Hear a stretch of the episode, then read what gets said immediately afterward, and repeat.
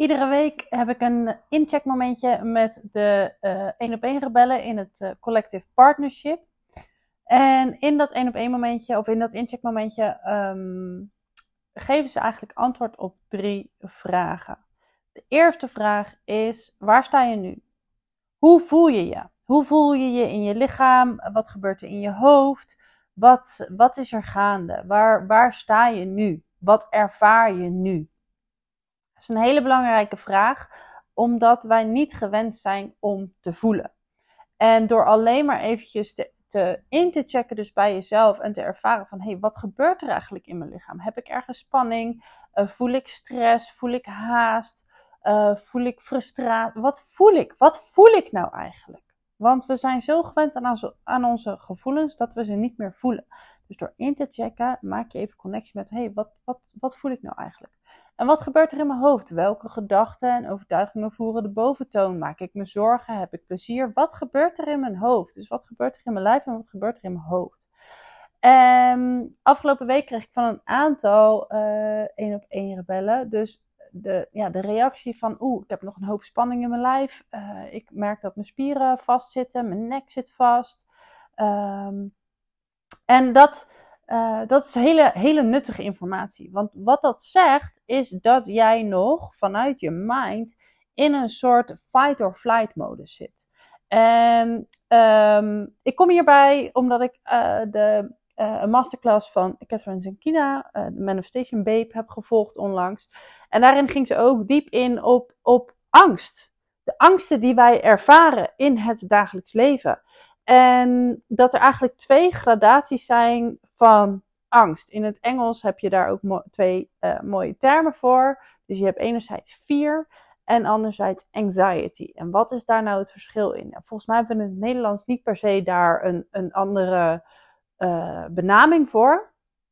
Misschien ook wel, correct me if I'm wrong. Maar uh, er zijn dus verschillende gradaties van angst. Je hebt dus de angst aan zich. Dus de angst op het moment dat er iets ergs gebeurt, dan reageert jouw lijf daarop. En het voorbeeld dat Catherine hierin uh, gaf, en die ga ik even schaamteloos uh, overnemen, is van een zebra. Een zebra op de savanne, die staat rustig te grazen. En uh, tussen de bosjes door komt zo op zijn dode akkertje een leeuw, leeuwinnen, meestal zijn het de leeuwinnen die jagen, um, die komt zo op die zebra afgeslopen. En vanuit, die zebra is zich daar helemaal niet van bewust. Die zebra die neemt die leeuw waar met zijn onbewuste en direct, daar hoeft hij zelf niet over na te denken, direct wordt de flight modus van de zebra geactiveerd. Zonder dat hij daar dus helemaal uh, um, bewust van is. Zonder dat hij daar zelf mee bezig is. Van, oh jee, een leeuw. Oh, nu moet ik wegrennen. Het gebeurt gewoon. Hij hoeft daar niet over na te denken. Dat gebeurt gewoon. Wat er gebeurt in je lichaam op het moment dat je dus angst ervaart, uh, ervaart op het moment dat er fysiek gevaar dreigt, waar jij op moet reageren, uh, vanuit een kwestie van leven of dood, dan krijg je een fysieke reactie in je lichaam. Um, er, alle, er, gaat heel veel bloed. Nou ja, bij zebra's zit sowieso niet heel veel in, in de hersenen. Maar alles gaat naar de spieren. Alles, alle energie gaat naar de spieren om maar zo hard mogelijk weg te kunnen rennen.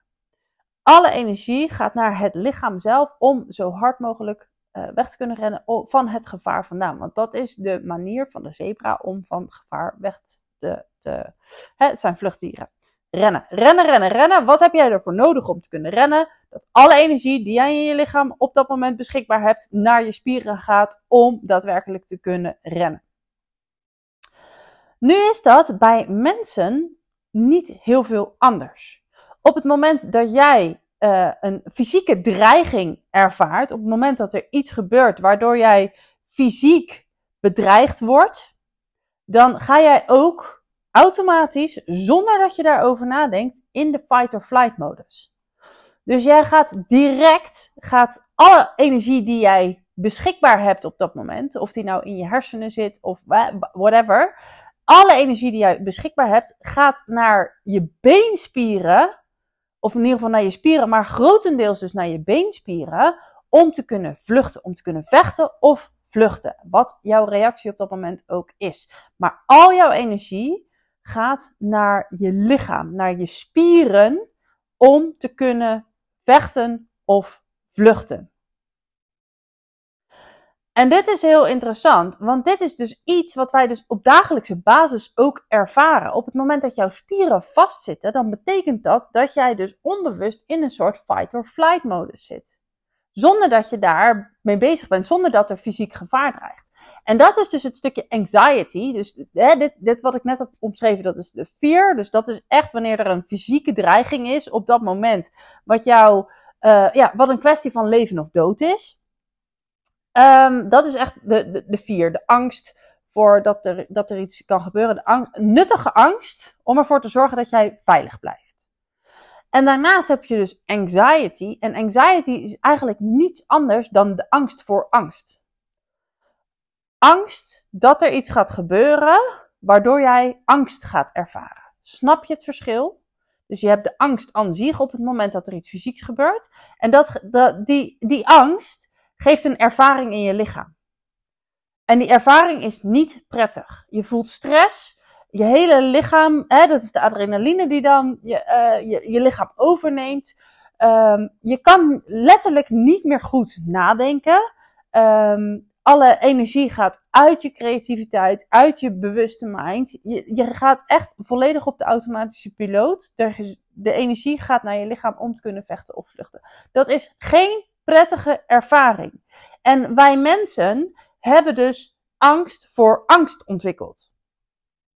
En dat betekent dat wij dus heel de dag, tenminste niet iedereen, maar mensen die dus veel uh, fysieke spanning in hun lichaam ervaren, die zitten dus onbewust, onbewust in die angst. Voor angst. Dus niet in de angst, want er is niets op dit moment wat jou fysiek bedreigt, toch? Als je even om je heen kijkt, er is geen, hier zit geen leeuwen, tijgers, inbrekers, iets wat jou fysiek bedreigt op dit moment? Nee, je bent veilig. Je bent veilig. Maar we voelen ons niet veilig, omdat we constant bang zijn dat er iets ergs gaat gebeuren. En in het leven wat wij nu hebben, zeker hier in het Westen, is dat al lang niet meer dat we bang zijn dat we opgegeten worden door beren, door leeuwen, door tijgers, door slangen, door whatever. Die fysieke dreiging is hier niet. Maar wel de angst voor problemen. Want problemen geven net zo'n nare impuls als dus een fysieke dreiging. Dus op het moment dat jij um, bijvoorbeeld geldproblemen ervaart, op het moment dat jij dus iedere maand het gevoel hebt van hé, ik, kom, ik kom geld tekort, ik hou maand over. En iedere keer, en je krijgt dus stress voor de ervaring van, van stress van de, van de van de angst. Voor de angst voor problemen. Dus het is nog niet eens zozeer het probleem aan zich. Want 9 van de 10 keer hebben we geen echt probleem. Bestaat het probleem nog helemaal niet. Maar het is onze angst voor het probleem die ervoor zorgt dat ons lichaam in de fight-or-flight modus gaat. Er is helemaal geen probleem. Alleen jij ervaart het zo. Omdat jij zo bang bent voor het probleem. Dat jouw lichaam in die fight or flight, in die, in die uh, overlevingsmodus komt. Waarin jouw spieren dus veel meer kracht en energie krijgen dan ze nodig hebben. Want je hebt je spieren niet nodig om weg te kunnen rennen van je geldproblemen. Je hebt je kopie nodig. Je hebt je intuïtieve gaven nodig. Je hebt je creativiteit nodig. Je hebt je intellect nodig. Maar jouw energie, jouw kracht zit niet in je mind, in je creativiteit, in je intellect. Op het moment dat jij in de fight or flight modus zit. Dus op het moment dat jij merkt van hé, mijn lichaam zit vast, ik voel veel spanning, ik voel veel onrust, dan betekent dat dat jij aan het, uh, aan het handelen bent vanuit een angst voor een angst. Angst voor een probleem. En wat je dan nu kan doen, is eventjes voor jezelf inchecken van hey, hoe voel ik me nu? Voel ik inderdaad spanning, stress, haast? Waar ben ik bang voor? Waarom zit mijn lichaam in deze overlevingsmodus? Wat is er wat mij op dit moment fysiek bedreigt? Wat is het waar ik nu die fysieke spanning, al die energie in mijn spieren voor nodig heb? Waar heb je dat nu voor nodig om te kunnen overleven? Niet.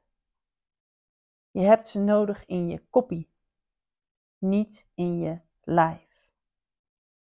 En iedere keer als jij fysieke spanning ervaart op deze manier, mag je jezelf hieraan herinneren van, oh ja, wacht. Ik hoef niet te vechten. Ik hoef niet te vluchten. Ik mag deze spanning in mijn lijf loslaten en naar mijn mind begeleiden.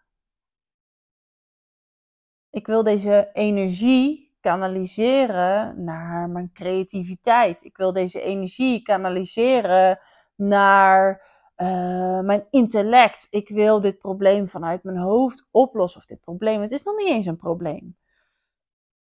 Maar ik wil de, de, deze situatie veranderen. En wat is dan de gewenste uitkomst? Hoe zou ik willen dat het is? Wat heb ik daarvoor nodig? Dus haal die energie uit je lichaam. En stap in de ontspanning, in de rust.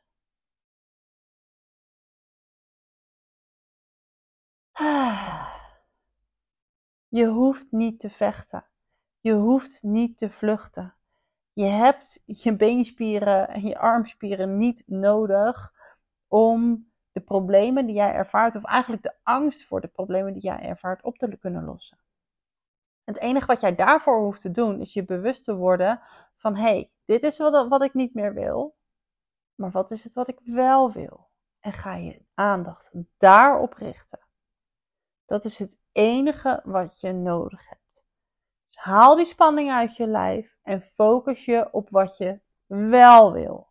Dat is het enige wat je hoeft te doen.